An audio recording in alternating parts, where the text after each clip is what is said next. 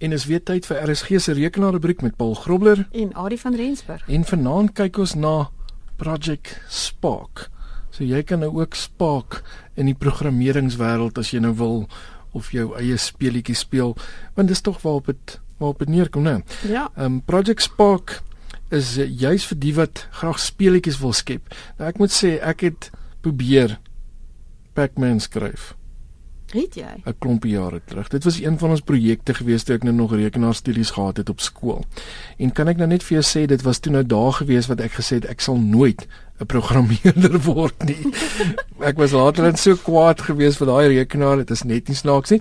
En tog programmeer ek nou nog op 'n gereelde basis. So, ehm um, maar die ek het uh, ek het duidelik gesien speletjies skryf is dalk ja, nou nie vir my nie. Ja, jy skryf alles behalwe speletjies. Ja, nee, speletjies hmm. sal ek net maar van wegbly want dit is duidelik nie ehm um, waarmee ek goed is nie. Maar dan is Project Spark dalk vir jou. Ja, hierdie mag dalk nou vir my nuwe lewe gee. Ehm um, kyk ek's mal oor om goeders te skep, maar ek wil nie sukkel nie. Kom ons stel dit so net. Project Spark is daar nou sodat jy dit dit maak die lewe vir jou 'n bietjie makliker. Nou uh dit gee vir jou basies 'n digitale platform wat jy kan gebruik um, om speletjies, films ensovoorts te maak. So jy hoef nie net natuurlik speletjies te maak met dit nie. Mense kan natuurlik die agtergrond skep van die speletjie, die karakter, jy kan besluit wat is uh, musiek pas by dit en uh, nog vele meer goeders wat jy kan doen. En dan kan mens ook um, ander se speletjies wat klaar geskep is speel. So as jy wil kyk dalk um, of die kreatiwiteit van ander mense wil sien, dan kan jy dit doen. Um, om te glo, uh, glo dit of nie, daar's meer as 70000 ehm um, speletjie vlakke wat reeds geskep is deur meer as 'n miljoen mense of spelers dan nou hmm. wat dit al geskep het. So uh die lekker ding natuurlik ook van Project Spark en seker die enigste rede hoekom ek dit sal gebruik is is omdat dit gratis is. Ehm um, gratis is goed vir my. Ehm um, maar mens kan ook betaal. Ek moet sê daar seker speletjies wat ek deesdae jy kry mos hierdie speletjies wat jy hulle noem dit in-game purchases kan ja, doen. Ja, ja, ja, natuurlik. Ja. Nou ek probeer dit oor die algemeen vir my, maar mm. ek moet sê ek het nou een speletjie gekry wat my so ge hak het. Ja, toe toe nou doen jy maar daai nou, speletjie. Elke nou en dan moet ek myself nou maar begewe om inkope te doen in speletjie, maar ek probeer dit nog steeds so ver as moontlik vir my, ja. Nou daai speletjie het seker nie krediete wat jy kan ophou nie. Dit het, maar dit bou nie vinnig genoeg. dit bou nie vinnig okay. genoeg op vir my nie. Ehm um, maar nou ja, so nou, dit hoe dit ook al sê.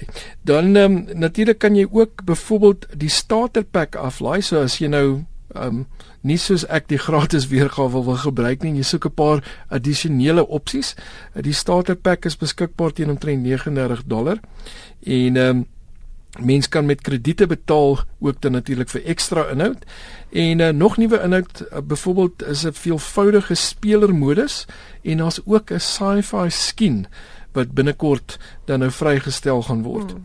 Ehm um, mens kan ook die Xbox kontroleerder asook 'n sleutelbord en muis, ehm um, raakskerms ensovoorts gebruik en selfs die Kinect kan saam met Project Spark gebruik word. So daar's 'n baie groot verskeidenheid platforms eintlik dan nou waarop jy die daar's verskillende goed wat jy kan doen dan. Ja. Ehm um, waarop jy die die die die speletjie kan skep. Ehm um, die Kinect laat mens toe ook om animasiemodelle te maak en om audio op te neem. Nou dit kan pret raak. Ehm um, my my Connect het ongelukkig in die water beland. Ehm um, Ai. So ek kan on, ek ek, ek wil nie swem. Nee, ek het nou nog nie weer getoets of hy werk nie, nee. Ehm um, so die omgewing wat geskep word kan berge, riviere, dorpe bevat.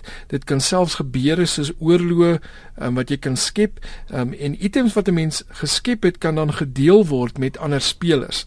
Nou wanneer mens begin met 'n speletjie, kan jy kies om met 'n skoon kaart te begin. So as jy nou letterlik die die tipe persoon is wat hiperkreatief is en jy um, wil graag jou eie storielyn skep. Ek sal nie sê ek is die skerpste as dit by storielyne kom nie. So ek sal heel waarskynlik gaan byvoorbeeld nou vir die vooraf ontwerpte vlak en dan sal ek nou goeders begin verander en byvoeg. Uh, jy kan plant en diere lewe bysit. Uh, jy kan ook natuurlik kies om sekere tipe gedrag aan 'n voorwerp toe te ken jy kan 'n klip laat spring as jy nou regtig sou wou as iemand naby hom kom. So dis nou letterlik waar jy sê die klip het geskrik. Ehm um, en hy het uit gespring dan. En ehm um, Mens kan die topografie verander um, om die, so rondom die hele projek. Um, so jy kan aan spelers opsies gee om hulle eie ervarings en uniekheid te inkorporeer. En uh, mens kan byvoorbeeld ook 'n hele veld met blomme byvoeg, um, of net 'n enkele blom deur die grootte van die verfkwas te verstel. So jy het verskillende mm. opsies wat jy daar kan doen. Nou die verskil tussen byvoorbeeld Spark, Little Big Planet en Minecraft is die moontlikheid om uniekheid van die speler wat dit ontwerp um, in te werk by die speletjie deur die opsies dan nou om klein detail te verander. So jy nou gesien het soos die klip of wat ook al die geval mag wees. Ehm um, mense het nie 'n Xbox Live Gold lidmaatskap nodig om speletjies te kan speel nie, wat ook dan 'n positiewe ding is en uh, dit wys my dan ook dit lyk vir my of dit beskikbaar is dan op Xbox ook mm. die speletjies gaan ook moontlik daar beskikbaar wees. Nou waar kan mens meer lees hieroor Aryan? Waar kan jy dan nou begin as jy nou wil ja. met Project Spark wil begin ja. speletjies skep? Ja, uiteraard is daar by Wikipedia en.wikipedia.org skynstreep wiki skynstreep project en dan daai onderste streepie onder underscore spark. Dan is daar natuurlik ook 'n 'n webwerf met die naam www.winbeta.org. Nou dis 'n lang naam daai, so ek gaan hom nie verder lees nie.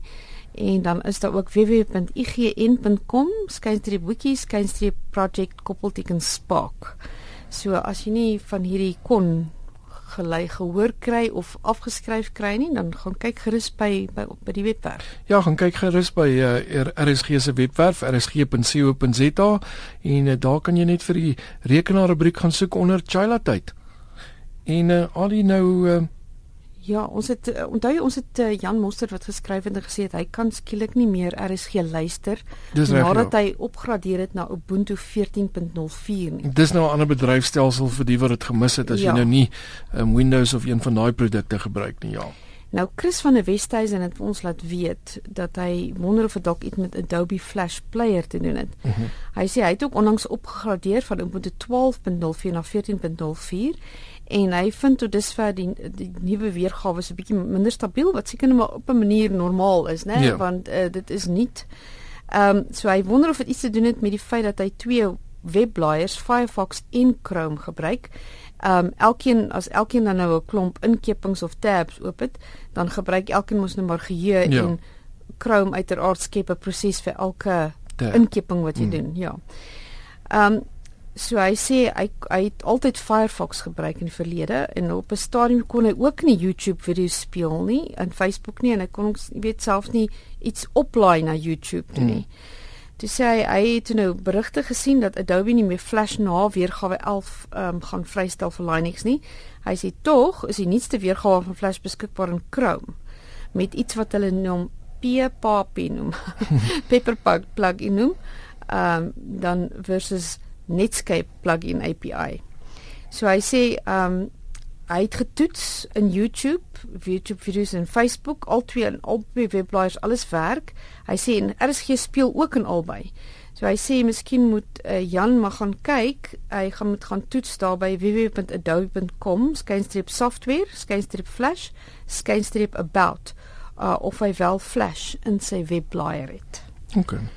So daar's dan nou 'n opsie Nou, ek moet jou sê ek kyk Ubuntu en obviously Linux en daai so is nog nie iets wat baie mense gebruik nie, maar mm. daar is baie mense wat wel daarvan hou en hy sê hy definitief sy sy voordele. Ja, ja, definitief ons sê dankie vir Chris vir sy vir sy uh sy nuttige inligting. Ja, nee, verseker. Nou ek wil nou net terugkom gaan na Project Spark en ek wil nou die luisteraars uitdaag daar buite. Die wat nou wel 'n speletjie geskryf het, stuur vir ons gerus jou speletjie of die die skakel dan na jou speletjie toe as jy dit klaar gespeel het en uh, ons wil graag daarna kyk.